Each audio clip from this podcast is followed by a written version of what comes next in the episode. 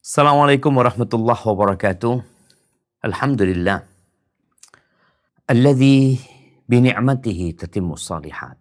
Segala puji bagi Allah Jalla Jalaluh. Yang karena nikmatnya kebaikan kebaikan menjadi sempurna. Kita bisa melaksanakan sholat subuh. Kita bisa menyelesaikan zikir pagi. Kita bisa menjalankan tugas sebagai orang tua sebagai pasangan hidup. Dan kita bisa melanjutkan tugas-tugas kita di luar rumah. Kalau bukan karena pertolongan Allah, kita tidak mungkin dapat melakukan. Falahul hamdu walahu syukur. Allahumma salli wa sallim ala abdika wa rasulika. Sayyidina wa maulana Muhammadin wa ala alihi wa ashabi ajma'in amma ba'd.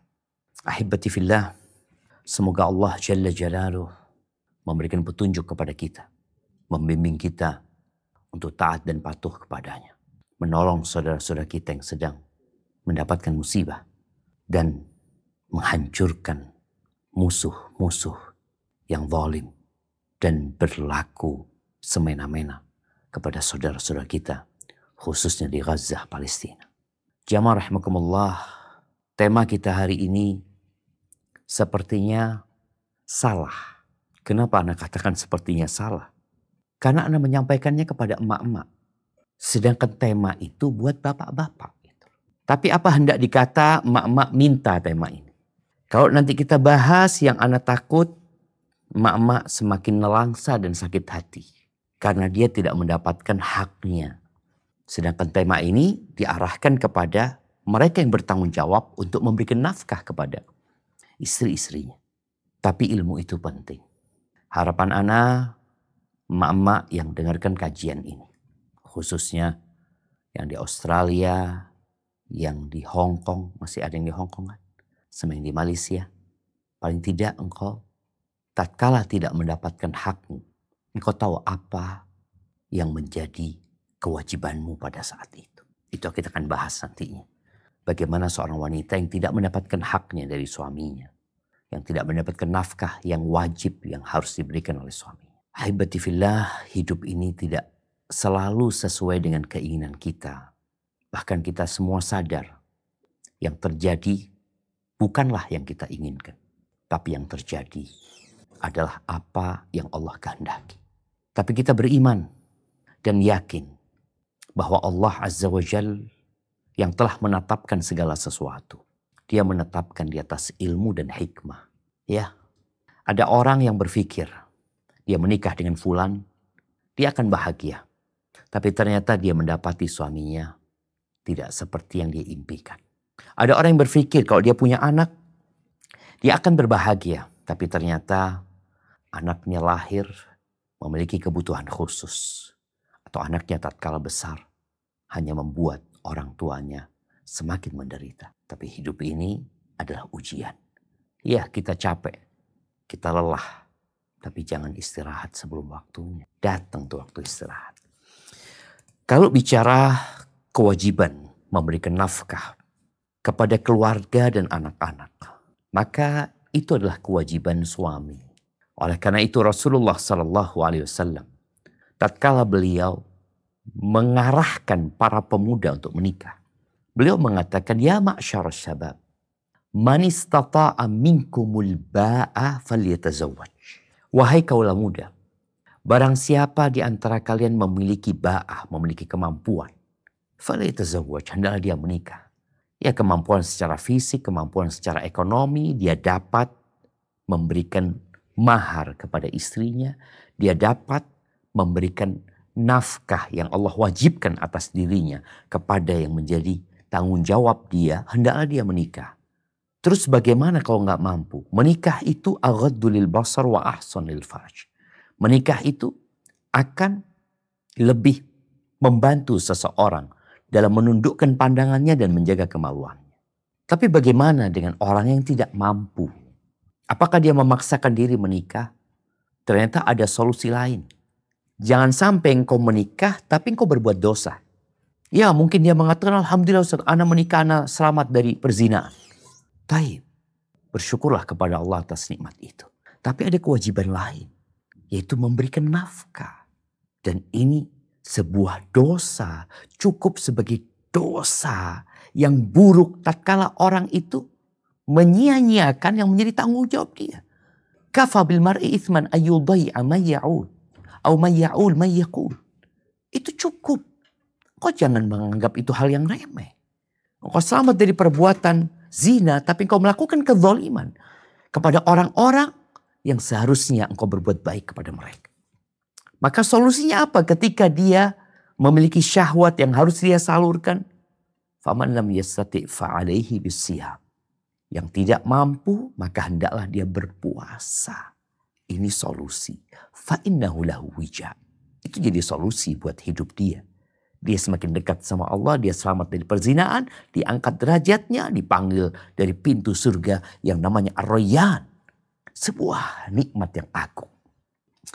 Ahibati fillah, kalau bicara dalil, dalil dari Al-Quran dan Sunnah yang mewajibkan suami memberikan nafkah kepada istrinya, Ana rasa para suami sudah tahu. Tapi kadangkala mereka lupa. Kadangkala kecintaan kepada dunia membuat dia memikirkan dirinya dan melupakan keluarga. Coba kita buka firman Allah di surat An-Nisa ayat 34 yang ayat ini menjadi ayat kebanggaan bagi kaum laki-laki. Coba kita baca. Iya. A'udzu billahi minasyaitonir rajim. Ar-rijalu qawwamuna 'alan nisa'i bima faddalallahu ya'dhum 'ala ba'dhum ba'dhum 'ala ba'din wa bima anfaqu min amwalihim Fassolihatu qanitatun hafizatun lil khaybi bima hafidallahu wallati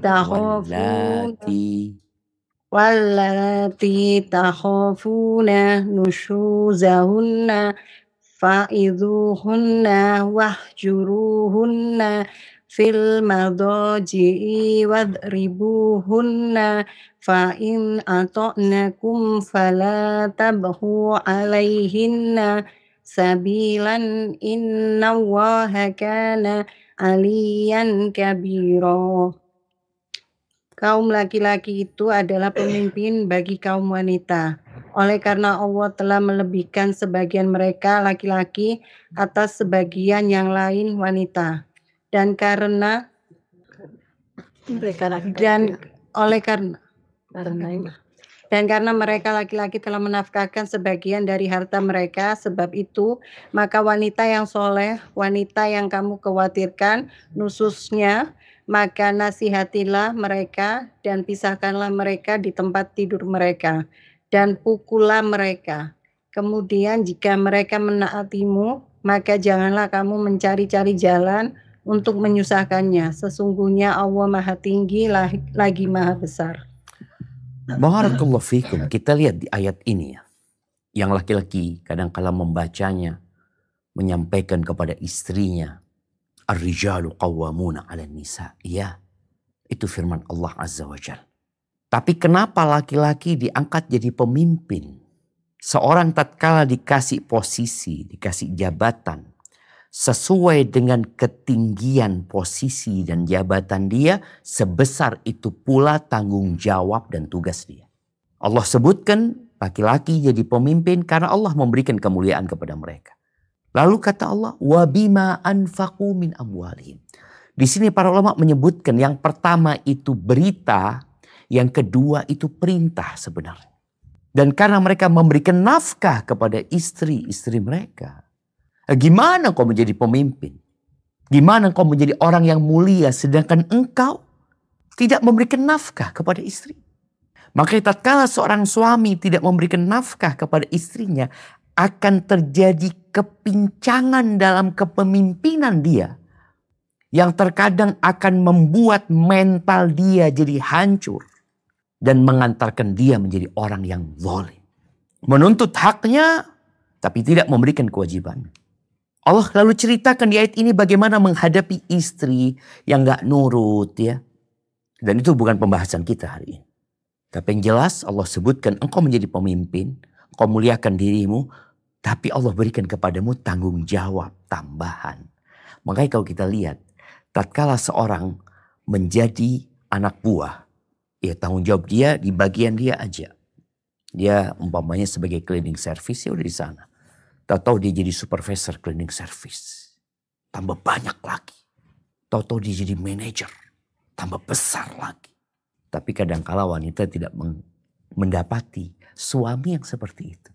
Apa yang harus dia lakukan? Nah, nanti kita bahas. Taib.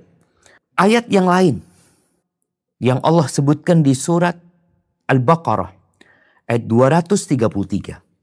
Nah, kita baca ayat ini tafadhali. Bismillahirrahmanirrahim. Wal walidatu yurdi'na auladahunna haulaini kamilain لمن أراد أن يتم الرضاعة وعلى المولود له. رزقهن وكسوتهن بالمعروف. لا تكلف نفس إلا وسعها. لا تضر والدة بولدها ولا مولود له. Lah biwaladihi Mungkin wa disambung ya. alal warithi Wala mithlu mauludun lahu biwaladihi. Wala mauludun lahu biwaladihi.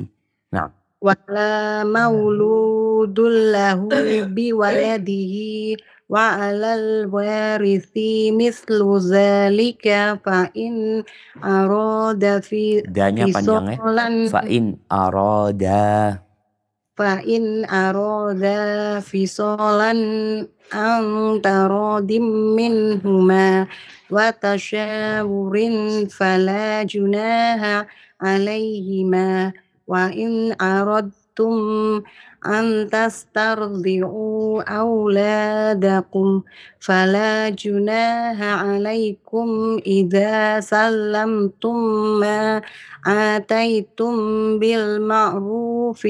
ma'rufi wattaqullaha wa'lamu annallaha bima ta'maluna basir Para ibu hendaklah menyusukan anak-anaknya selama dua tahun penuh, yaitu bagi yang ingin men- menyempurnakan penyusuan dan kewajiban ayah memberi makan dan pakaian kepada para ibu dengan cara ma'ruf.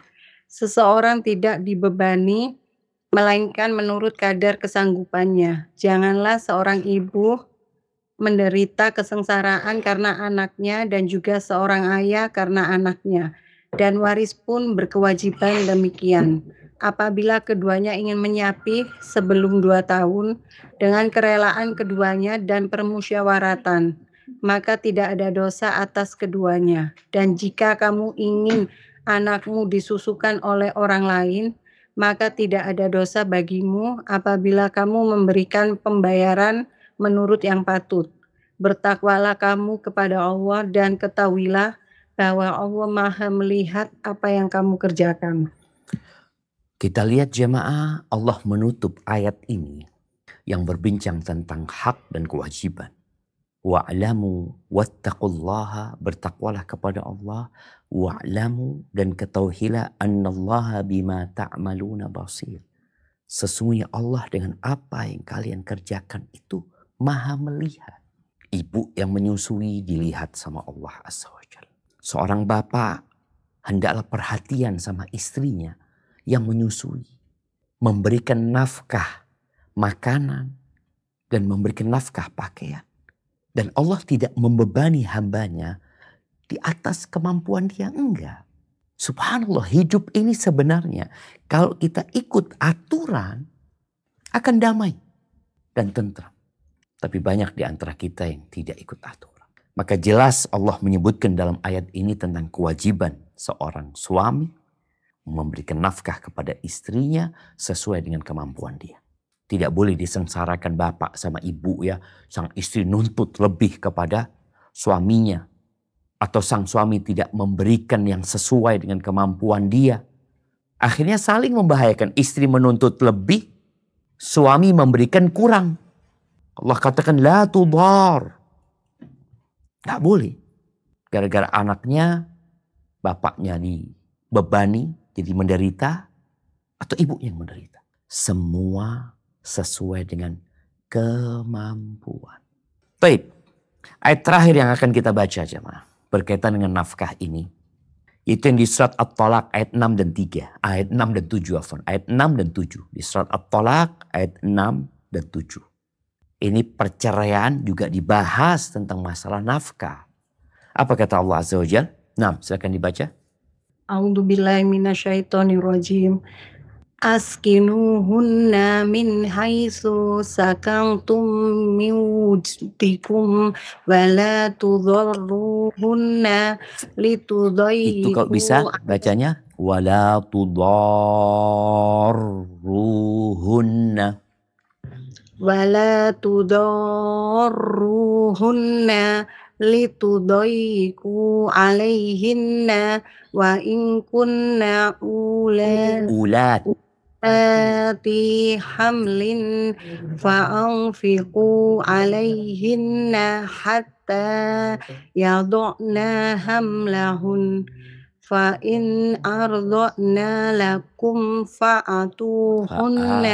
أجورهن واعتمروا بينكم بمعروف وإن تعسرتم ف- ta'asartum fasaturdi'u lahu uhra. Artinya dulu yang ini dibaca. Tempatkanlah mereka para istri di mana kamu bertempat tinggal menurut kemampuanmu. Dan janganlah kamu menyusahkan mereka untuk menyempitkan hati mereka. Dan jika mereka istri-istri yang sudah ditalak, itu sedang hamil, maka berikanlah kepada mereka nafkahnya hingga mereka bersalin Kemudian jika mereka menyusukan anak-anakmu untukmu, maka berikanlah kepada mereka upahnya dan musyawarahkanlah di antara kamu segala sesuatu dengan baik. Dan jika kamu menemui kesulitan, maka perempuan lain boleh menyusukan anak itu untuknya. Lanjutkan. Liyunfiq du sa'atim min sa'atihi wa man qudira alaihi rizquh falyunfiq mimma atahu Allahu la yukallifu Allahu nafsan illa ma ataha Ta- sayaj'alullahu ba'da usrin yusra Hendaklah orang yang mampu memberikan nafkah, memberi nafkah menurut kemampuannya. Dan orang yang disempitkan rizkinya, hendaklah memberi nafkah dari harta yang diberikan Allah kepadanya.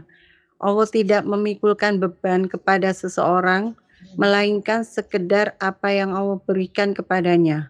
Allah kelak akan memberikan kelapangan sesudah kesempitan. Masya Allah, barakallahu fiqh.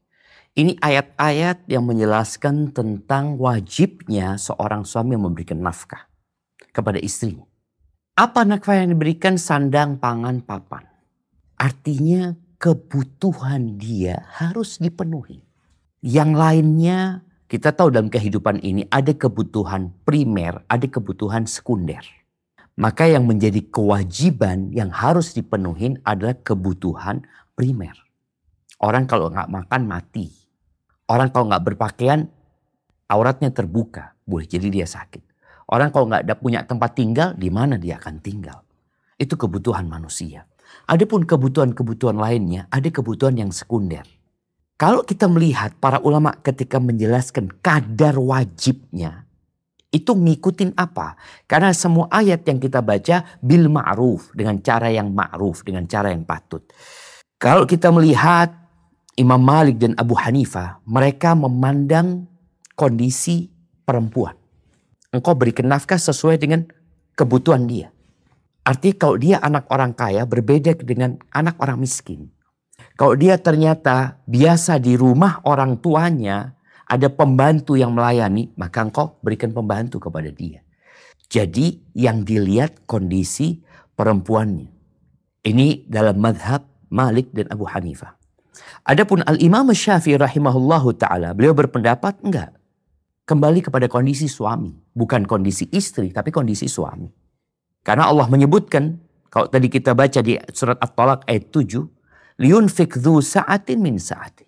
Ya, hendaklah orang yang punya keluasan memberikan sesuai dengan keluasan dia. Kalau dia miskin, ya sudah ini mampunya anak. Artinya istri nggak bisa nuntut ketika sang istri mengatakan, aku minta pembantu. Kata suami, aku nggak mampu. Aku nggak mampu. Mamanya ada pembantu satu, enggak, aku butuh pembantu dua. Karena apa? Uh, karena ada yang bagian bersih-bersih, ada yang bagian masak.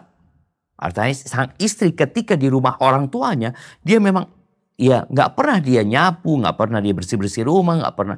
Dia biasa dilayani. Wallahu a'lam bisawab. Kalau Anda melihat pendapat Al-Imam Syafi'i atau menggabungkan dua hal itu. Ketika seorang suami punya kemampuan, ya engkau lihat istrimu ini, dia punya kemampuan sang suami. Istrimu seperti apa? Oh istrimu ternyata biasa dapat pembantu. Maka kau berikan pembantu. Dan engkau mampu untuk memberikan itu. Ahibati fillah. Sebagian suami berpikir bahwa nafkah yang dia berikan kepada istrinya itu tidak bernilai pahala. Tadi kita bicarakan ini kewajiban. Dan di dalam agama kita ada skala prioritas di mana Allah Azza wa Jal lebih mencintai yang wajib-wajib daripada yang sunnah. Dalam sebuah hadis qudsi Allah mengatakan wa ma taqarraba ilayya 'abdi bi syai'in ahabba ilayya mimma aftaratuhu alaih. Tidaklah hambaku mendekatkan dirinya kepadaku dengan sesuatu yang lebih aku cintai daripada yang aku perintahkan. Yang aku wajibkan. Gak ada. Itu lebih Allah cintai. Kemudian setelah itu hambaku ini yang wajib dikerjakan lalu dia mendekatkan diri dengan yang sunnah-sunnah. Nah, banyak lelaki yang dia menginfakkan hartanya di jalan-jalan yang sunnah, dia lupa sama istrinya. Dia lupa sama anak-anaknya. Khususnya tatkala terjadi perceraian. Tadi sudah dibahas. Apabila terjadi perceraian, tetap kau kasih nafkah kepada anak-anakmu kepada istrimu di masa iddah raj'i, engkau berikan nafkah. Apabila dia hamil sampai dia melahirkan, engkau kasih nafkah.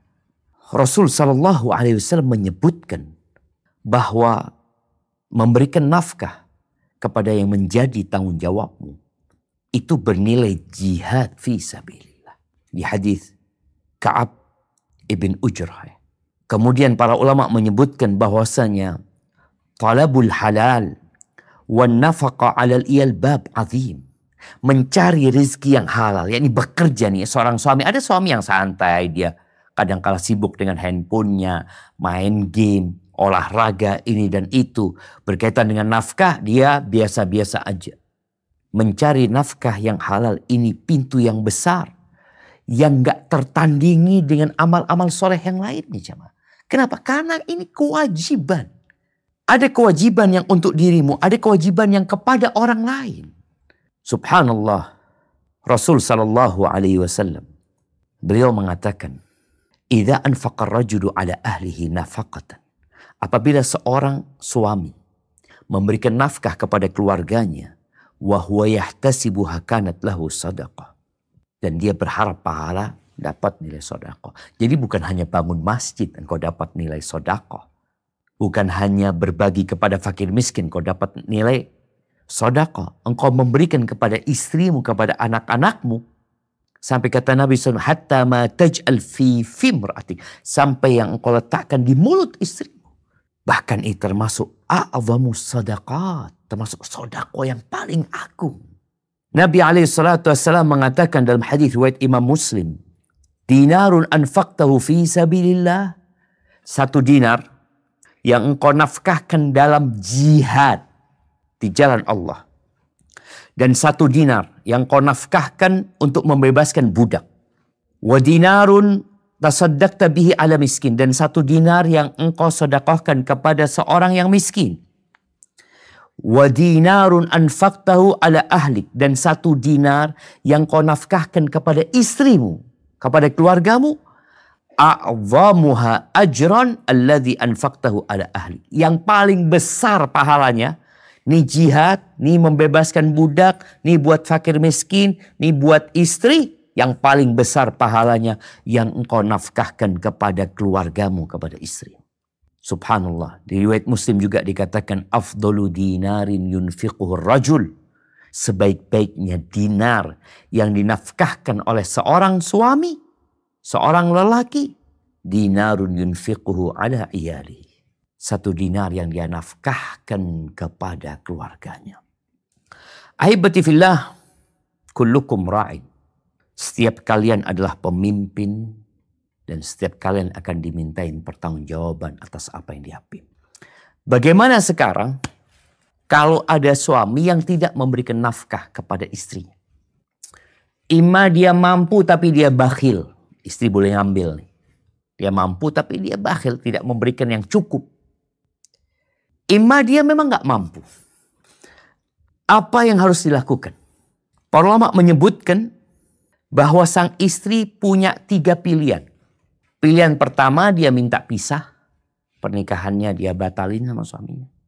Karena suaminya tidak memberikan nafkah. Pemilihan, pilihan yang kedua dia bersabar. Dan dia masih melayani suaminya. Pilihan yang ketiga dia tetap mempertahankan status pernikahannya. Tapi dia tidak lagi melayani suami. Tiga pilihan ya. Dia, uh, nih di anak akan bacakan ya dari kitab Al-Muhadzab dalam fikih Imam Syafi'i dikatakan wa in ikhtarat al-maqam ba'da al-i'sar. Kalau sang istri memilih bertahan sama suaminya dalam kondisi suaminya kesulitan untuk memberikan nafkah. Bahkan mungkin tidak memberikan nafkah. Lam tamkinul istimta.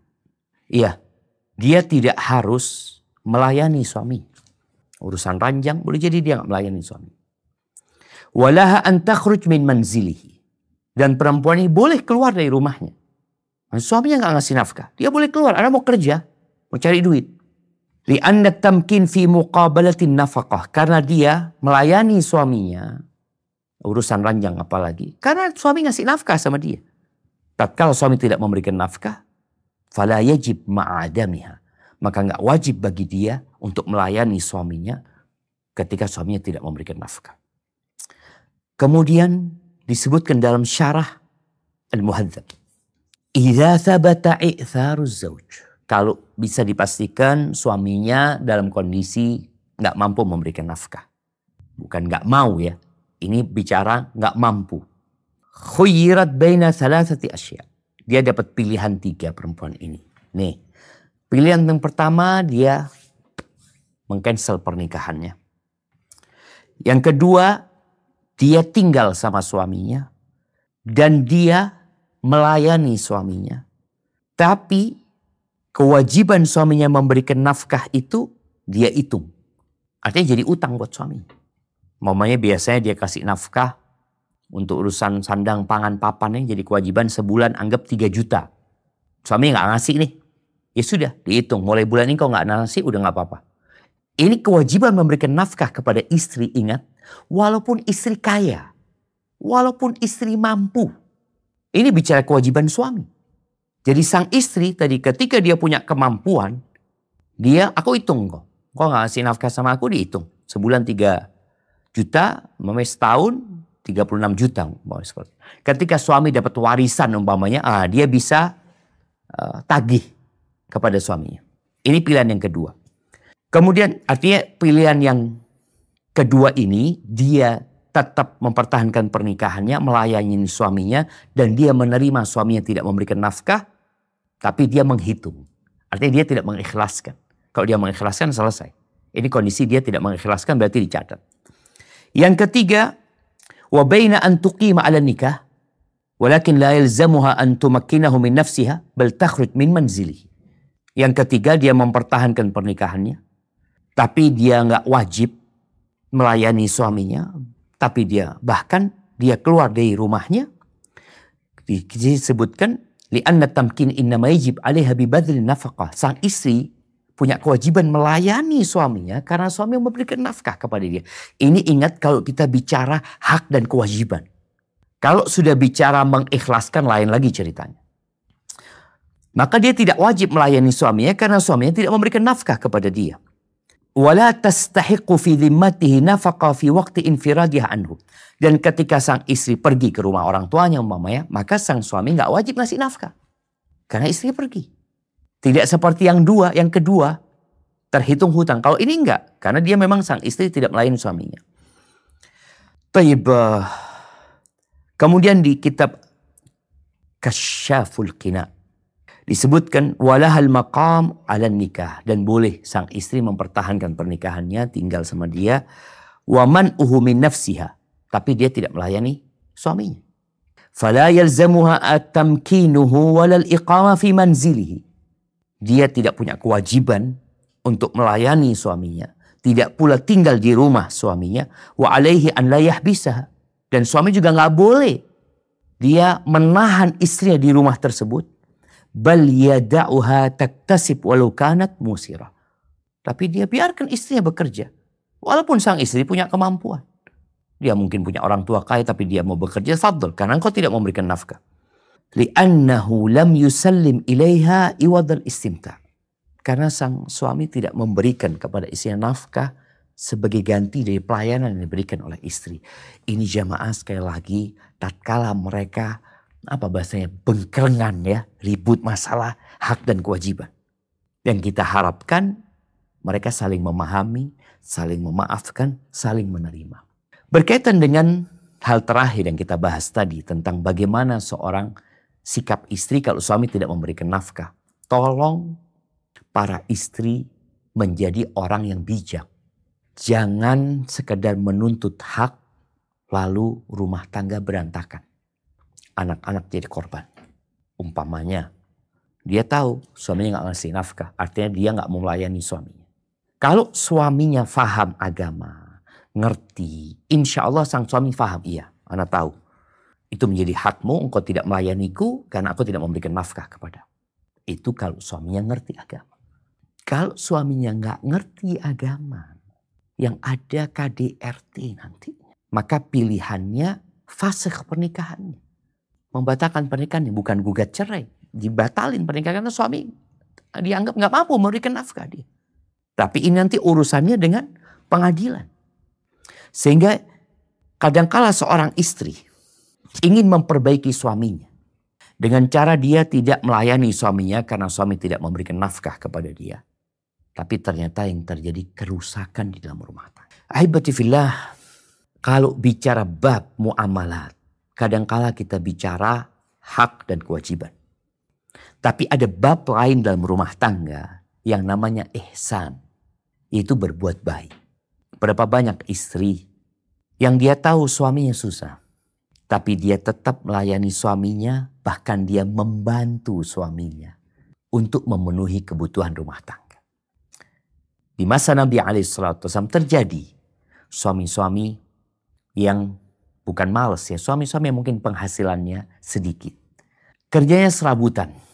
Ketika dia bekerja, ada pekerjaan, dia bisa memberikan nafkah. Tapi tatkala tidak ada pekerjaan, dia akhirnya menganggur. Padahal dia sudah berusaha. Maka sang istri membantu suaminya dengan memberikan nafkah dalam rumah tangga. Bagaimana cerita Zainab, Imra'atu bin Mas'ud. Nabi alaihi salatu wassalam beliau memberikan nasihat, tausiah, mau'iwah kepada para wanita agar mereka bersodakoh. Akhirnya Zainab ini datang kepada suaminya. Aku sepertinya nggak bisa lagi bantu engkau dalam memenuhi kebutuhan rumah tangga. Artinya kan yang wajib kan suami bukan istri. Aku ingin sodakoh. Nih istri tidak mau bantu suaminya karena dia ingin bersodakoh. Dia ingin dapat pahala sodako, dia ingin diselamatkan dari api neraka. Ya. Kata Abdullah bin Mas'ud, nggak apa-apa kata dia. Allah tidak akan menelantarkan kita. Tapi engkau coba tanya sama Nabi alaihi salatu wassalam. Akhirnya bertanya kepada Rasul SAW. Datang ke rumah Nabi alaihi salatu wassalam. Ketemu sama Bilal. Dia titip pertanyaan kepada Bilal. Dan disebutkan dalam asar tersebut ada perempuan lain ternyata dari kalangan Ansar yang juga ingin menanyakan hal yang sama. Maka akhirnya bertanyalah Bilal kepada Nabi SAW dan istrinya Abdullah bin Mas'ud minta kepada Bilal supaya namanya dirahan yang sangat dekat sekali sama Rasul Shallallahu Alaihi Wasallam. Bahkan seakan-akan salah satu dari keluarga Nabi alaihi Karena seringnya Abdul bin Mas'ud keluar masuk rumah Nabi alaihi Nabi tanya, Ayu Zainab, Zainab yang mana? Ya, karena ditanya, akhirnya Bilal terus serang Zainab istri Abdullah bin Mas'ud. Hmm, sampaikan kepada dia bahwa yang dia berikan kepada suaminya itu bernilai sodako nggak akan hilang dari catatan kebaikan. Tapi yang perlu digarisbawahi menjaga niat agar ikhlas lillahi ta'ala. Sayaj'alullah ba'da usrin yusra. Di ayat ketujuh dari At-Talaq tadi kita baca, Allah akan menjadikan setelah kesulitan itu kemudahan. Dan Allah juga berfirman, fa inna ma'al usri yusra. Sesungguhnya bersama kesulitan ada kebaikan, ada ada kemudahan. Inna ma'al usri yusra. Sesungguhnya bersama kesulitan itu ada kemudahan. Jadi hendaklah kita memandang kehidupan ini tidak hanya dengan saling menuntut hak dan kewajiban. Tapi berusaha engkau memberikan pelayananmu ketika engkau tidak mendapatkan hakmu minta sama Allah Azza wa Jal. Kadangkala ada suami yang royal bersama kawan-kawannya. Tapi dia bakhil kepada istrinya. Ketahuilah bagi para wanita, ketika hakmu sudah dipenuhi, sandang, pangan, papan sudah dipenuhi, sang suami boleh berbuat apa saja dengan harta suaminya selama dalam ketaatan. Mungkin dia ingin menyenangkan orang tuanya, dia belikan mobil orang tuanya, dia bikinkan rumah orang tuanya. Lalu engkau bertanya, masa aku nggak dikasih? Apabila kewajiban dia sudah dia laksanakan, yang lebih dari itu jadi anjuran tidak jadi kewajiban. Maka tolong para istri juga tahu mana yang hak dia dan mana yang hanya anjuran suami untuk memberikan tambahan kepada dia. Sehingga engkau tahu suamimu baik. Karena ada istri-istri yang tidak bersyukur dapat suami yang baik. Bahkan dia menuntut lebih dari itu. Barakallahu fiqh itu mungkin dapat kita sampaikan pada kesempatan kali ini. Semoga yang kita sampaikan sampai kepada para suami tapi seperti yang hadir para emak-emak, maka semoga kalian bersabar ketika tidak mendapatkan hak-hak kalian. Mintalah kepada Allah Azza wa Jalla. Barakallahu. Kita masuk ke sesi tanya jawab. Ana kembalikan ke moderator. Tafadhol. Ya. Assalamualaikum Ustadz. Pertanyaan pertama Waalaikumsalam warahmatullahi wabarakatuh. Mau bertanya Ustadz, kalau ada orang yang mau ingin bercerai, anak banyak ya Ustadz. Nah, biasanya kan hak anak itu di ibu kalau di bawah umur. Kalau sumama sama ibunya dikasih ke bapak, ibunya mau mencari nafkah, gimana itu Ustadz? Masya Allah. Iya, ahibati fillah. Kalau bicara hak, maka boleh dia mengalah, memberikan haknya kepada suami. Ingat ini bukan bicara kewajiban, tapi bicara haknya ibu. Jadi bapak nggak boleh ngambil hak. Tapi kalau ibu memberikan haknya kepada mantan suaminya, nggak apa-apa. Kepada bapak anak-anaknya nggak apa-apa. Tapi ada hal lain dalam pertanyaan ini yang perlu dicermati. Berkaitan dengan bercerai anaknya banyak. Ingat, kewajiban memberikan nafkah kepada anak itu tidak pernah berubah dalam kondisi menikah atau bercerai. Karena tidak ada mantan anak. Hanya saja kita lihat di masyarakat kita. Kadang-kala kalau anaknya ikut ibunya, bapaknya lepas tanggung jawab. Bakal ditanya loh. Bakal ditanya sama Allah Azza wa Jal. Dan itu dosa yang menakutkan ketika engkau menelantarkan orang-orang yang menjadi kewajibanmu. Ini sebuah kezoliman. Dan adzulmu zulumat yaumul qiyamah. Kezoliman itu akan jadi kegelapan pada hari kiamat. Sang bapak mungkin menikah lagi dapat istri yang lebih cantik, yang muda. Kemudian dia melupakan anak-anaknya yang hidup bersama mantan istri. Tadi udah dibahas. Engkau wajib memberikan nafkah. Maka seharusnya gak ada janda yang terlantar. Karena dia mengatakan anak janda anak tiga. Orang-orang kalau mau menikah dengan janda anak tiga kadang-kadang bingung. Aduh anak nanti harus ngasih makan anaknya yang tiga itu. Bukan kewajibanmu. Kewajiban siapa? Kewajiban bapaknya. Hada wallahu a'lam Nah. Assalamualaikum Ustadz, Barakallahu Fiq. Waalaikumsalam warahmatullahi wabarakatuh. Dari Brisbane mau berizin bertanya Ustadz. Tafadhal barakallahu. Uh, ini sudah sering terjadi, tapi saya uh, mau uh, bertanya lagi Ustadz. Uh, saya mendapat message dari teman bahwa uh, Barakallahu Barakallahu Fiq Umrik ulang tahunnya gitu. Itu saya ignore atau saya jawab Pak Ustadz karena saya tidak ulang tahun lagi. Saya mau menjelaskannya itu uh, belum paham ilmunya. Isu yang kedua tentang haul. Haul uh, bapak dan uh, ibu saya sudah wafat tapi eh, tiap tahun uh, keluarga mengadakan haul dan kita anak-anak harus saweran ngasih dana apa hukumnya Ustadz uh, saya sebagai anak apa ngasih uang untuk uh, biaya haul tiap tahunnya atau tidak Jazakallahu khairan Ustaz. Masya Allah, barakallahu fiqh. Naam ahibati fillah. Ada hal-hal yang mungkin dianggap remeh oleh sebagian orang. Nabi SAW mengatakan bahwa Allah akan menimpakan kehinaan kepada umat ini. Apabila mereka nggak peduli sama agamanya. Sistem perdagangan mereka riba. Mereka sibuk dengan kebun-kebun mereka, sibuk dengan peternakan mereka, mereka meninggalkan jihad, maka Allah akan menimpakan kehinaan kepada kalian. Dan kita merasakan bersama hari ini. Umat Islam yang hampir 2 miliar jumlahnya. Mereka nggak bisa berbuat apa-apa.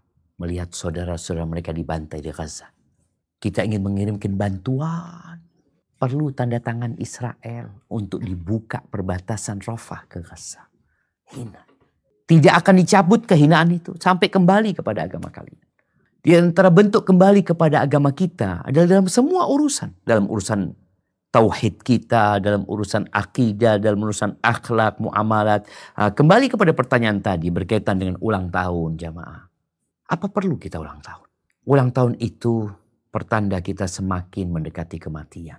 Maka kalau ada orang yang mendoakan ya, barakallahu fi umrik umpamanya kita katakan jazakallah khair. Wabarakallahu fiqh. Tapi sampaikan Ana nggak lagi ngadain ulang tahun. Kalau mau doain Ana, jangan nunggu setahun sekali. Doakan Ana ketika berjumpa. Doakan Ana ketika tidak bersamamu. Karena doa seorang muslim. Andahril ghaib. Pada saat saudaranya nggak ada. Antara dia sama Allah. Itu Allah akan kirimkan malaikat. Yang mengatakan yang mengaminkan doanya dan mengatakan walaka bimithil dan engkau akan mendapatkan yang seperti itu. Sebagai orang berpikir, enggak, anak ingin berbagi kebahagiaan sama dia. Anak ingin mengucapkan selamat kepada dia. Padahal tadi bertambahnya umur menandakan semakin mendekati kematian. Bukan semakin panjang umurnya, tapi semakin pendek sebenarnya. Itu untuk yang pertama. Yang kedua berkaitan dengan haul. Ya kita lihat haul ini perayaan kematian yang berulang tiap tahun. Yang kita tahu Rasulullah Alaihi Wasallam tidak melakukannya. Sahabat tidak melakukannya. Sebagian berdalil Nabi Wasallam itu tiap tahun potong kambing dibagikan kepada teman-temannya Khadijah. Itu dalilnya haul. Siapa yang bilang Nabi tiap tahun? Nabi kalau punya rizki, potong kambing, bagikan ke soib-soibnya Khadijah. Engkau punya rizki, sodakoh buat orang tua. Jangan nunggu setahun. Jangan nunggu tanggal kematian. Kapan kau lakukan? Ketika engkau punya rizki. Maka bagaimana sikapmu kepada mereka? Sampaikan kepada mereka. Engkau harus sudah mulai menjadi menjadi apa ya? Menjadi teladan di grup keluarga tadi ketika mereka butuh pengumpulan dana untuk haul. Engkau punya rizki sebulan sekali, dua bulan sekali. Sampaikan ke keluarga, aku transfer ya duit ya, 5 juta. Buat apa? Sodakoh buat abah sama ibu kita. Bagikan ke fakir miskin. Punya rizki tiga bulan, kirimkan. Aku punya rizki, bagikan. Nggak nunggu haul. Engkau jadi contoh buat mereka. Engkau ingin berbuat baik. Ya, haul itu salah satu usaha untuk mengingat orang tua. Setahun sekali. Enggak. Makanya syariat Islam, contoh dari Nabi alaihissalam sangat sempurna sekali jemaah. Sangat sempurna. Nggak perlu ditambah-tambahin. Maka nasihat Ana tadi engkau mulai lakukan, nggak nunggu haul. Supaya mereka tahu Ana haul nggak ikut-ikutan. Tapi kau buat orang tua, Ana nggak nunggu haul. Aku titip nih. bagikan. Ketika mereka minta engkau sawer untuk ujian haul, afwan. Enggak. Anak akan sodakoh tetap buat orang tua, tapi enggak nunggu haul. Aku akan titipkan kepada kalian. Hada wallahu alam bisawab. Ya, Assalamualaikum Ustaz. Ini ada pertanyaan dari Pot Ustaz. Waalaikumsalam warahmatullahi wabarakatuh. Nah, tafadhali. Ada satu rumah eh, ibu rumah tangga. Si suaminya nggak memberikan nafkah. Akhirnya si istrinya berusaha untuk berhutang karena nggak nggak ada untuk nafkah lah Ustaz. Akhirnya dia berhutang. Kemudian untuk membayarnya suami juga tidak memba- membantu untuk membayar hutang tersebut. Maka si istri berusaha bekerja di luar negeri. Tetapi si istri tidak memberikan, eh suami tidak memberikan izin. Tapi si istri ini keluar lagi bersama mahramnya Ustaz. Nah, Usaha untuk bekerja untuk membayar hutang tersebut. Ini bagaimana hukumnya Ustaz? barakallahu fiik. Iya. Tadi udah kita baca ya penjelasan para ulama bahwa tatkala seorang suami tidak memberikan nafkah kepada istrinya. Dua, dia tetap mempertahankan pernikahannya. Dia tetap melayani suaminya. Dan mungkin tadi boleh jadi dia bekerja, boleh jadi dia ngutang. Yang semuanya itu nanti dibebankan kepada suaminya. Yang berkaitan dengan nafkah ya. Ketika suami punya duit, ah, engkau bayarin semua ini. Ini kewajibanmu, buatkan kewajibanku. Artinya sang istri berhutang untuk kebutuhan rumah tangga. Untuk nafkah. Nanti yang bayar siapa? Suaminya. Ah, Kadang-kadang suami nggak mau bayar tadi. Ah, Pilihan yang ketiga, istri dia mempertahankan status pernikahannya, tapi dia tidak melayani suaminya dan tadi disebutkan juga bahwasanya sang suami tidak punya hak untuk me- menghalangi suaminya pergi, menghalangi istrinya pergi bekerja. Apalagi kalau dikatakan dia harus bekerja ke luar negeri, tapi dia tetap mempertahankan pernikahannya, insya Allah nggak ada masalah. Selama benar suami tidak memberikan nafkah. Karena boleh jadi terus serang, banyak perempuan-perempuan yang bekerja ke luar negeri, itu ngomongnya untuk sesuap nasi, untuk sepiring nasi. Kadangkala tidak. Kadangkala dia ingin lebih. Kadangkala yang ia lakukan adalah karena panas sama tetangganya. Tetangganya pulang dari luar negeri. Maka itu kenapa banyak perempuan akhirnya kerja ke luar negeri. Apakah karena suaminya tidak memberikan nafkah? Kadangkala suaminya memberikan nafkah sesuai dengan kemampuan suami. Tapi istri ingin lebih, istri kepingin punya rumah. Padahal nggak harus punya rumah. Suami bisa ngontrak. Istri kepingin punya mobil, kepingin bergaya ini dan itu. Maka di sini hendaklah permasalahannya didudukkan benar-benar.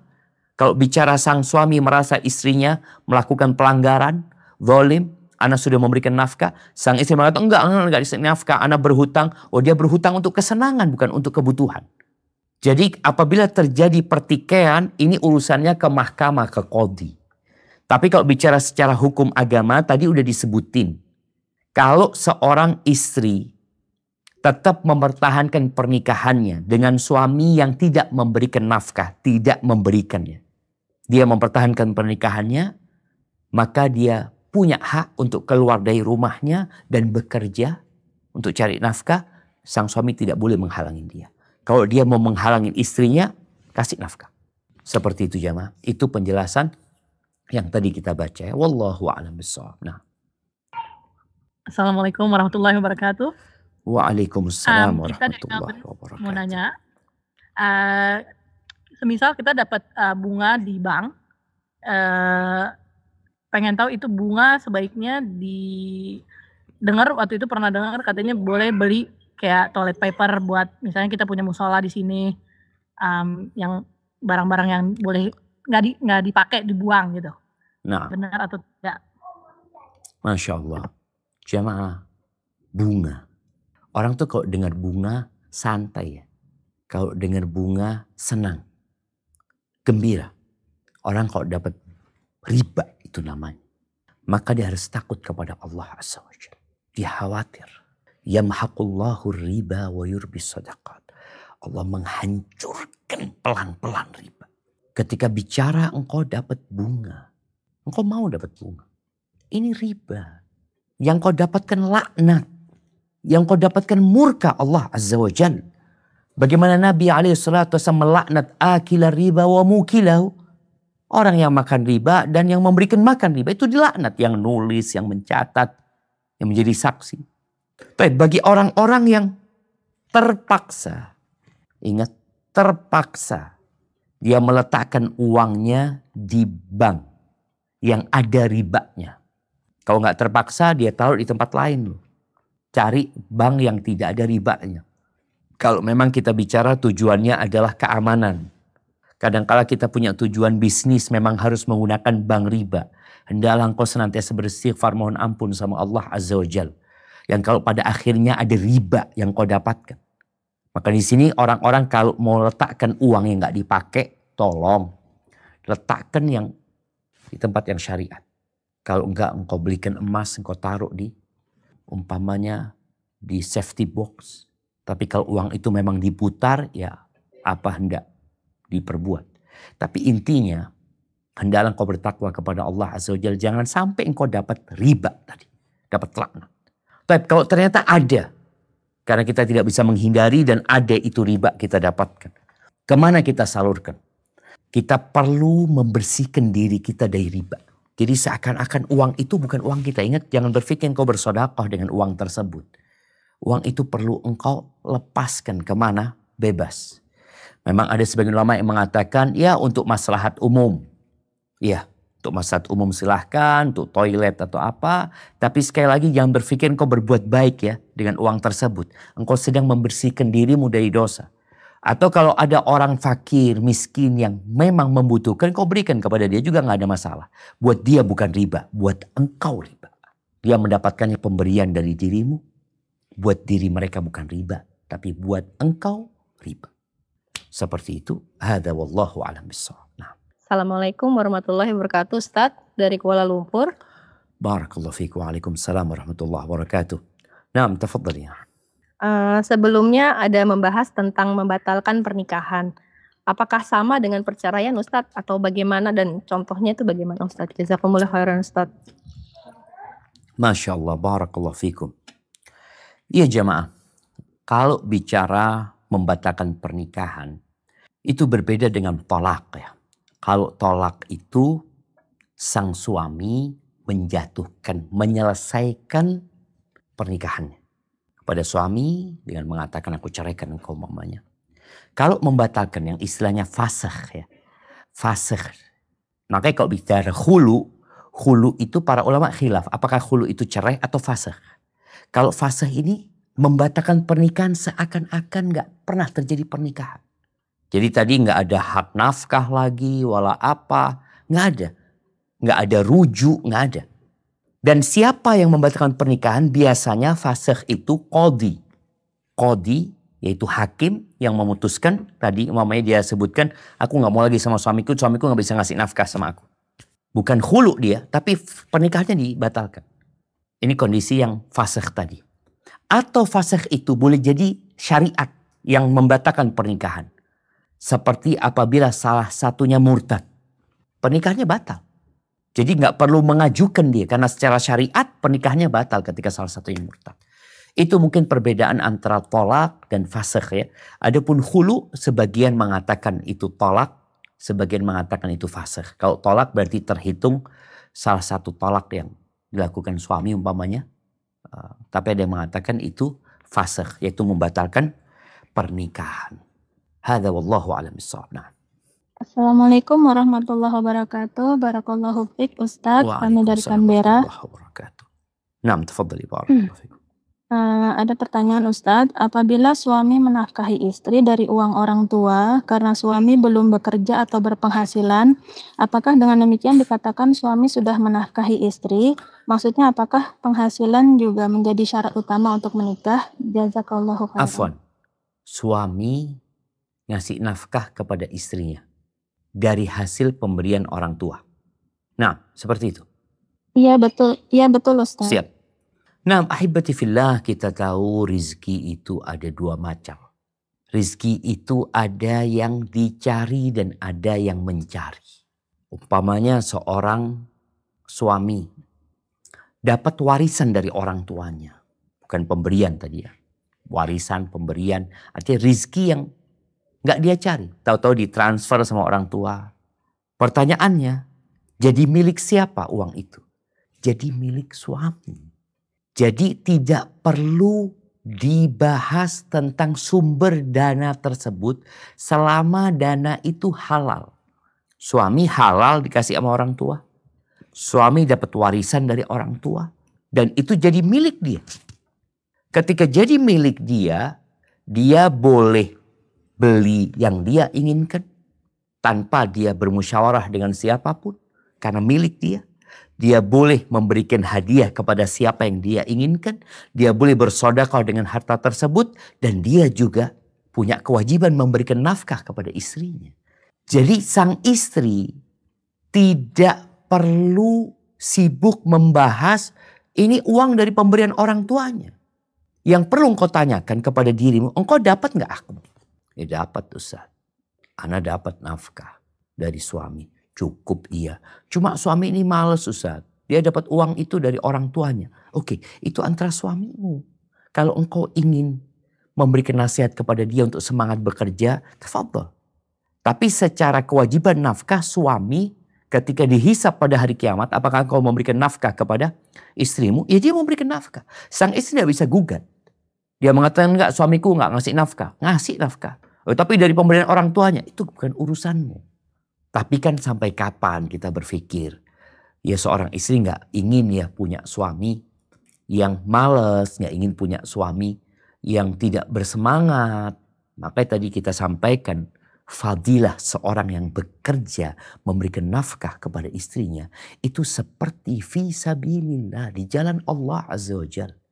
Maka bagaimana sang istri memotivasi suami? Nggak apa-apa dikasih lagi sama orang tuanya ya. Mau diberikan kepada istri sebagai nafkah, boleh nggak ada masalah. Tapi bagaimana dia punya suami yang gagah, yang bekerja, yang menjadi teladan buat anak-anaknya. Itu harapannya. Tapi tatkala engkau tidak mendapatkan yang seperti itu, tapi suami tetap memberikan nafkah kepadamu, maka tugas dia sudah selesai dan hakmu sudah terpenuhi. Hadza wallahu a'lam bishawab. Assalamualaikum Ustadz, putaran kedua dari Sydney. Waalaikumsalam warahmatullahi wabarakatuh. Nah, tafadhali. Ya, ada ada seorang ibu mertua Ustadz yang dititipin sama dua menantunya. Yang satu kerja di bank, yang satu kerja di toko, toko biasa Ustadz. Nah, si mertua karena dilihat menantu yang pertama kerja di bank itu gajiannya besar, dia mau pegangkan anaknya si menantu itu. Nah, yang kedua yang menantu kerja di toko, dia bilang, mertuanya bilang lebih baik kamu stop aja jaga anakmu lebih bagus di rumah. Gimana menurut gimana, Ustaz? Gimana? Gimana apa? Si tunggu. Dititipin. Jadi ada, ada mertua. Nah, dititipin anak. Ustaz. Bukan anak menantu, dua-duanya ini anak menantu, Ustaz. Oke. Okay. Dititip iya dititipin anak. Bukan titipin fulus ya, dititipin. dititipin cucu Ustaz. Siap, cucu siap. Dari keduanya. Ya jazakallah khair Ustaz. Masya Allah, barakallahu fi. Ahibati fillah, itulah menyebabkan kehinaan umat Islam. Ya. Hina, riba ini. Dosa-dosa tentunya membuat kehinaan. Bagaimana dia menganggap anaknya yang bekerja di bank konvensional, bank ribawi, sebagai kehormatan dan kemuliaan. Cuma tunggu anak heran tadi. Afan, anak boleh tanya lagi? Eh, silakan Ustadz. Itu emaknya ke mana kok dititipin ke neneknya? Dua-duanya bekerja Ustadz. Yang satu bekerja di bank, yang satu di toko biasa Ustadz. Dua-duanya suami istri berarti? Iya, suami istri bekerja. Menantunya Dua belah pihak ini Ustadz. Iya, kalau bicara tadi Eh, mertua tadi umpamanya dia melihat kemuliaan kehormatan ketika anaknya kerja di bank dapat duit banyak ini padahal itu sebenarnya laknat yang dia dapatkan dan kehinaan. Maka tugas kita bagaimana memahamkan orang tua. Tapi secara umum hendaklah seorang anak itu tidak ngerepotin ibunya. Tadi dia yang bikin anak, dia punya anak titipin ke neneknya. Ya lebih baik dia nggak kerja. Nasihat dari neneknya benar. Walaupun tadi urusan nenek mungkin urusan fulus. Tapi nasihat neneknya kepada ibunya anak-anak itu, engkau lebih baik gak usah kerja, engkau sibuk ngurusin anakmu. Karena itu kewajiban memang. Tadi kita jangan sampai menelantarkan kewajiban kita gara-gara urusan dunia juga. Maka nasihat anak, Bagaimana mereka bisa memberikan nasihat kepada yang riba tadi untuk bertobat kepada Allah Azza wa Jal dan memahamkan neneknya bahwa yang dilakukan oleh anak dan menantunya adalah perbuatan yang merugikan Allah Azza wa. Adapun yang dilakukan oleh anak dan menantunya yang kerja di toko adalah sesuatu yang halal ya. Walaupun hasilnya sedikit insya Allah berkah. Tapi sebagai ibu, itu nenek ya, sebagai ibunya maka engkau seharusnya nggak menitipkan anakmu kepada nenek. Kesian. Dia sudah capek. Udah capek dikasih fulus sedikit. Maka lebih baik engkau sibuk mengurus anakmu. Membesarkan anak-anak dan merawatnya. Tapi mungkin Ustadz nggak cukup Ustadz. Maka anda bantu suami. Membantu suami dalam mencari nafkah tidak harus dengan bekerja. Di antaranya dengan memperbanyak istighfar di antaranya dengan memperbanyak doa. Di antaranya dengan bertakwa kepada Allah Azza wa Jalla. Ada banyak pintu-pintu rizki, kunci-kunci rizki yang tidak hanya dengan bekerja. Apalagi engkau punya tanggung jawab anak. Maka biarkan suamimu yang bekerja, engkau fokus mendidik anak-anakmu. Insya Allah berkah. Hada wallahu a'lam Nah. Dari Pak nggak ada ya? Langsung aja kalau nggak ada langsung ke KL please. Assalamualaikum warahmatullahi wabarakatuh, Ustaz. Waalaikumsalam warahmatullahi wabarakatuh. Nah, bagaimana bagaimana dengan seorang suami yang sudah pensiun, sudah ada tidak daya upaya lagi untuk bekerja gitu, apakah masih uh, masih punya kewajiban untuk menafkahi istrinya uh, dan apakah apakah istrinya itu uh, berhak juga untuk bilang uh, tidak melayani suaminya karena hal itu, Ustaz? Tunggu, masih ngasih nafkah tidak dia suaminya? Ya kan udah nggak ada daya upaya, udah pensiun Ustaz. Loh, pensiun dapat fulus nggak? Pensiunnya tidak ada harta. Pensiunnya tidak berlebih gitu. Loh enggak, pensiun dia dapat uang pensiun nggak? Uh, katakanlah tidak gitu. Atau uangnya sudah habis gitu. Uh, sudah habis tapi mereka masih hidup kan. Cuma tahan berapa tahun gitu. Tahan untuk lima tahun saja. Siap. Masya Allah. Barakallah fikum. Ahibati fillah. Jadi memang orang pensiun ini bahasa pensiun itu sebenarnya di PHK ya. Dia diberhentikan dari pekerjaannya karena dianggap sudah nggak produktif ya ini. Yang dibicarakan adalah masalah memberikan nafkah. Dia mau pensiun, dia mau nggak bekerja, tapi dia menjalankan kewajibannya memberikan nafkah, maka sang istri wajib melayani suaminya. Kalau dikatakan tadi Ya terus terang ada banyak istri yang harus bertakwa kepada Allah Azza wa Jal. Ana berjumpa dengan beberapa wanita yang menuntut suaminya seperti dahulu sebelum pensiun. Suaminya dulu royal. Suaminya dulu memberikan kepada istrinya lebih daripada hak istrinya. Yang seharusnya istrinya itu hanya dapat tadi sandang, pangan, papan. Artinya kebutuhan-kebutuhan primer dia dipenuhi oleh suaminya tapi karena suaminya Alhamdulillah punya banyak rizki, maka istrinya dikasih lebih. Ketika suaminya pensiun, yang masih dapat gaji ya, pensiun, tapi gajinya terbatas. Sehingga dia tidak dapat lagi menyenangkan istrinya seperti dahulu. Kadangkala sang istri nuntut suaminya untuk bekerja. Ayolah engkau bekerja. Masa nganggur seperti ini? Loh, selama suami memberikan nafkah kepada istrinya Ingat sesuai dengan kondisi suami serta kebutuhan primer dalam urusan rumah tangga, maka tugas suami selesai. Maka engkau harus bersabar. Mengingat kebaikan-kebaikan suami yang dahulu. Dia sudah tua. Ya, tapi kan dia bisa bekerja kayak apalah, ngelamar kerja di mana, ini itu. Engkau nggak punya hak untuk memerintahkan suamimu seperti itu. Sekali lagi apabila suamimu telah memberikan nafkah kepadamu sesuai dengan kemampuan dia. Tapi kalau suami mau bekerja, mau tambahan ya. Dia mau punya tambahan, ya lain lagi ceritanya tafadhol. Dan sang istri tetap tadi wajib melayani suaminya. Ketika sang suami memberikan nafkah dari dana pensiun dia. Bagaimana kalau suami nggak punya uang? Ya nggak usah bicara pensiun, mah dia masih muda pun ketika dia tidak memberikan nafkah kepada istrinya karena dia nggak punya harta, maka istrinya punya tiga pilihan yang tadi kita sebutkan. Tiga pilihan. Dia boleh fasah pernikahannya berangkat ke kodi, Dan fasakh ini tidak harus dengan keridhaan suami. Tadi bedanya sama tolak ya. Kemudian yang kedua, atau dia tetap melayani suami. Tapi dia menghitung utang kepada suaminya. Suaminya dapat warisan nanti bayar umpamanya. Yang ketiga, dia tidak melayani suaminya, dia bekerja, dia cari uang. Seperti itu. Jadi uh, tolong para istri memahami mana yang hak dia, yang boleh dia nuntut sama suaminya, dan mana yang bukan hak dia. Bicara kesenangan bukan hak dia. Dan bukan kewajiban suami. Kewajiban suami tadi urusan sandang, pangan, papan. Dan banyak keributan ketika suami pensiun, istri nuntut ini, itu, macam-macam. Sang suami nggak mau bekerja, sang suami mau berkebun, dia sudah mau menikmati masa tua dia, pensiun dia, itu yang dia makan bersama istrinya. Sang istri nuntut, oh enggak, engkau harus bekerja ini dan itu. Tolong perhatikan hal itu, sehingga engkau tidak menzalimin suami. Suami tidak boleh dizalimin dan istri juga tidak boleh dizalimin.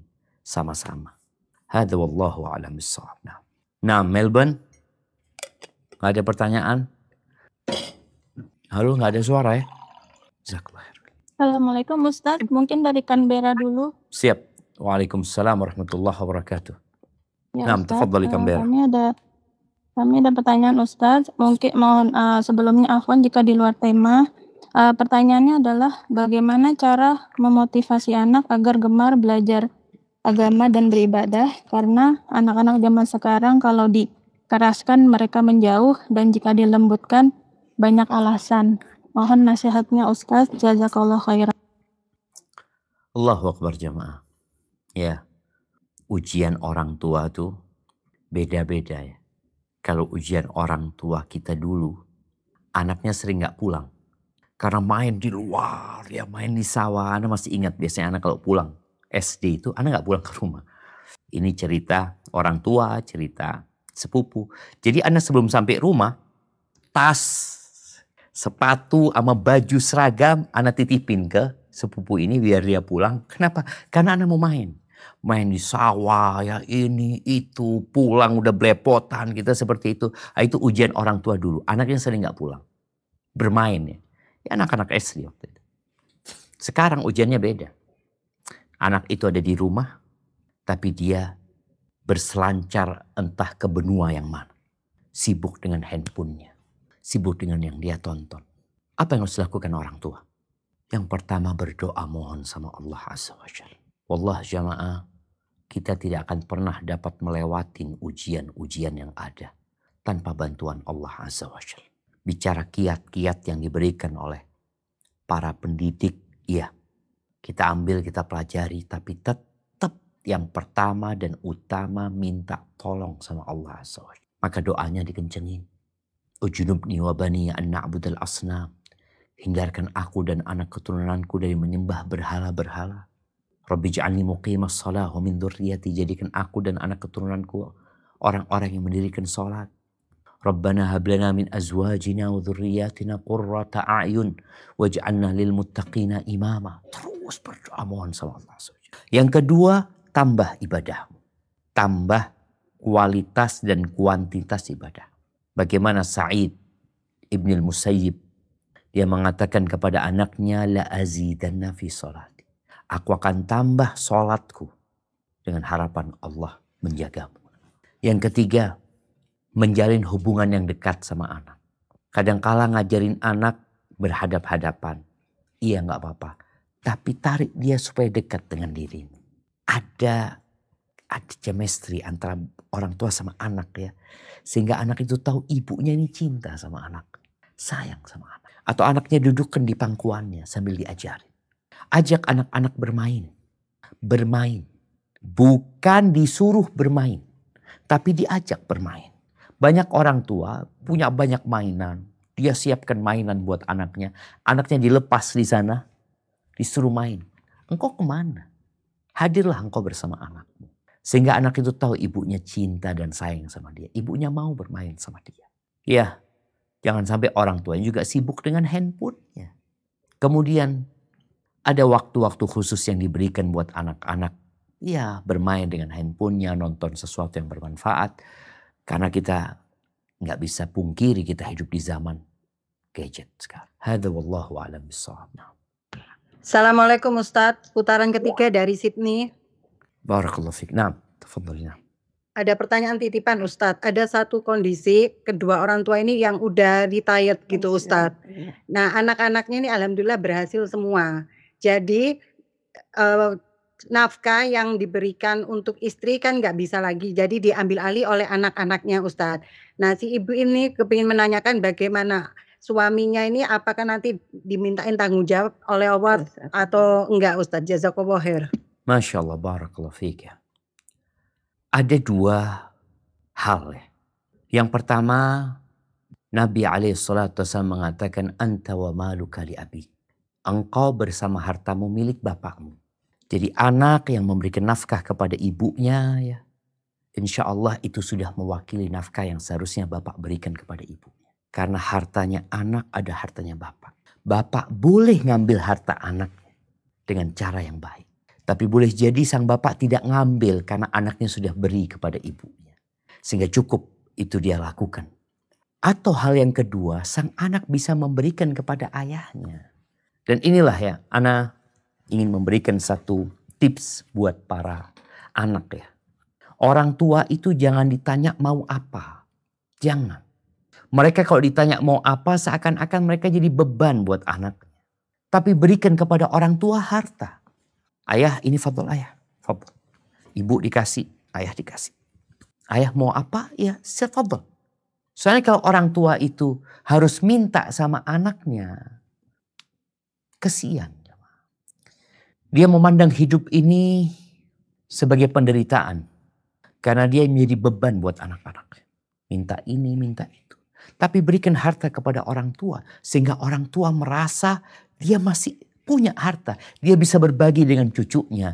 Dia bisa bersodakoh. Dia bisa sumbang masjid. Maka itu mungkin yang bisa lakukan seorang anak.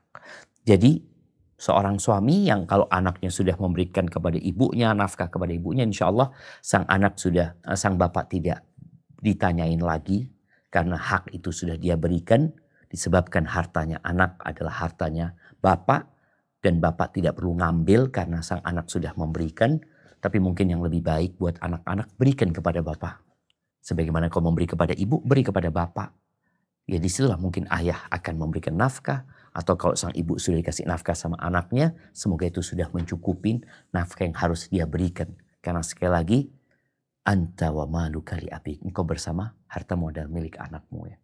Hadza wallahu alam Nah. Uh, Hayakumullah Ustaz. Uh, Allah pertanyaan dari. Pak Ustadz, apakah Allah akan membalas kedoliman orang tua kepada anaknya dan apa yang harus dilakukan seorang anak jika didolimi oleh orang tuanya? Jazakumullah khairan. Masya Allah. Barakallah fi. Kalau bicara kedoliman. Kedoliman itu bisa terjadi dari orang tua kepada anak. Dan bisa terjadi dari anak sama orang tua. Yang namanya kedoliman dari anak ke orang tua tentunya lebih dahsyat dosanya lebih besar dosanya. Kenapa? Karena orang tua yang sudah melahirkan, membesarkan dia, tahu-tahu anak itu durhaka. Tapi kezoliman dari orang tua kepada anak tetap kezoliman. Tetap kezoliman dan akan ada hisap pada hari kiamat. Nanti. Dan kalau bicara yang namanya kezoliman, Allah mengharamkan kezoliman. Allah yang telah memberikan segalanya kepada manusia, Allah mengharamkan kezoliman atas diri. Allah nggak akan menzalimin hambanya. Maka Allah katakan, Fala tadzalamu. Kalian jangan saling menzalimi. Gitu. Jangan saling menzalimi. Maka orang tua nggak boleh menzalimin anaknya. Dan kezaliman adalah salah satu dosa besar. Dan akan dihisap pada hari kiamat. Tapi apa sikap anak tatkala menghadapi orang tuanya yang boleh? Maka kalau dia memaafkan, itu akan diangkat derajatnya. Faman afa wa aslaha fa ajruhu ala Allah. Barang siapa yang memaafkan dan memperbaiki, pahalanya Allah yang nanggung. Artinya kalau ada orang mendolimin kita, kita memaafkan, Allah yang nanggung. Bagaimana kalau orang tua kita yang mendolimi dan orang tua kita punya jasa besar, punya budi yang luas sekali kepada kita ketika kita kecil dan kita lupa mungkin dengan kebaikan-kebaikan orang tua, maka Allah akan berikan pahala yang besar. Jadi sikap anak hendaklah dia bersabar, memaafkan orang tuanya, dan itu akan menjadi pahala yang besar bagi dia. Dan sekali lagi, tidak ada kebaikan yang terlupakan jamaah. Dan semoga itu terhitung juga termasuk kebaktianmu kepada orang tua dengan engkau melihat kebaikan-kebaikan orang tua yang dahulu kepada. Hadza wallahu alam Kayaknya ke pertanyaan terakhir mana nih? Kuala Lumpur. Nah, tafadhal. Assalamualaikum warahmatullahi wabarakatuh Ustaz dari Kuala Lumpur. Kuala Lumpur lagi. wabarakatuh. Ahlan uh, Menyambung pertanyaan yang tadi Ustadz yang membatalkan pernikahan. Uh, apakah uh, ini berlaku untuk nikah siri Ustadz? Uh, sementara kalau kita menikah di KUA itu kan sudah ada buku nikah, sudah ada status pernikahan di negara didaftarkan gitu. Sebagaimana status anaknya Ustadz? Uh, iya. Begitu Ustadz. Jazakumullah khairan Ustadz. Nah, Masya Allah. Kalau bicara nikah siri, ya pada masa lalu pernikahan juga nggak dicatat. Baru sekarang aja pernikahan itu dicatat, Kemudian ada mahkamah yang menaungi untuk hal itu. Ya kalau bicara fasih pun dengan nikah siri tetap bisa terjadi. Boleh jadi terjadi dengan cara ya kalau salah dengan syariat ya ada dua tadi kita sampaikan. Fasih itu dengan kodi, dengan hakim atau dengan syariat. Kalau dikatakan tadi yang berkaitan nikah siri suaminya tidak memberikan nafkah, ya memang urusannya ini harus dengan kodi. Urusannya harus dengan hakim. Maka untuk menyelesaikan hal itu kadangkala harus mencatat dulu pernikahan. Tadi katakan sudah punya anak, dicatat dulu pernikahannya, maka diajukan kepada hakim, hakim yang akan memutuskan. Ada hal-hal yang tidak perlu hakim, salah satunya tadi, salah satunya murtad, selesai. Nggak perlu ke hakim untuk membatalkan pernikahan. Pernikahannya batal secara otomatis. Adapun kalau tadi terjadi sang suami tidak bisa memberikan nafkah kepada istrinya, sang istri menuntut agar pernikahan ini dibatalkan, boleh jadi di sini ya suami. Ya sudah kalau gitu dibatalkan pernikahannya. Tapi kalau suami tidak mau, tidak ridho kadang-kadang harus ke hakim lagi. Di sini hakim nanti yang akan menentukan.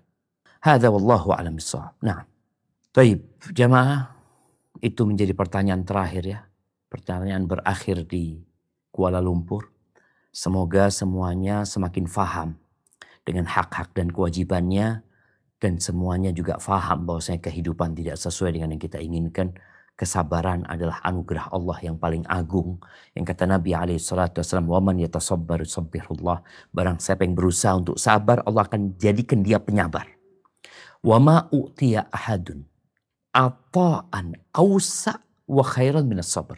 Dan tidaklah seorang dikasih karunia sama Allah yang lebih baik dan lebih luas daripada kesabaran. Karena hidup ini butuh sabar. Subhanakallahumma bihamdika. Ashadu an la ilaha illa anta. Astaghfiruka wa atubu ilaik. Wassalamualaikum warahmatullahi wabarakatuh.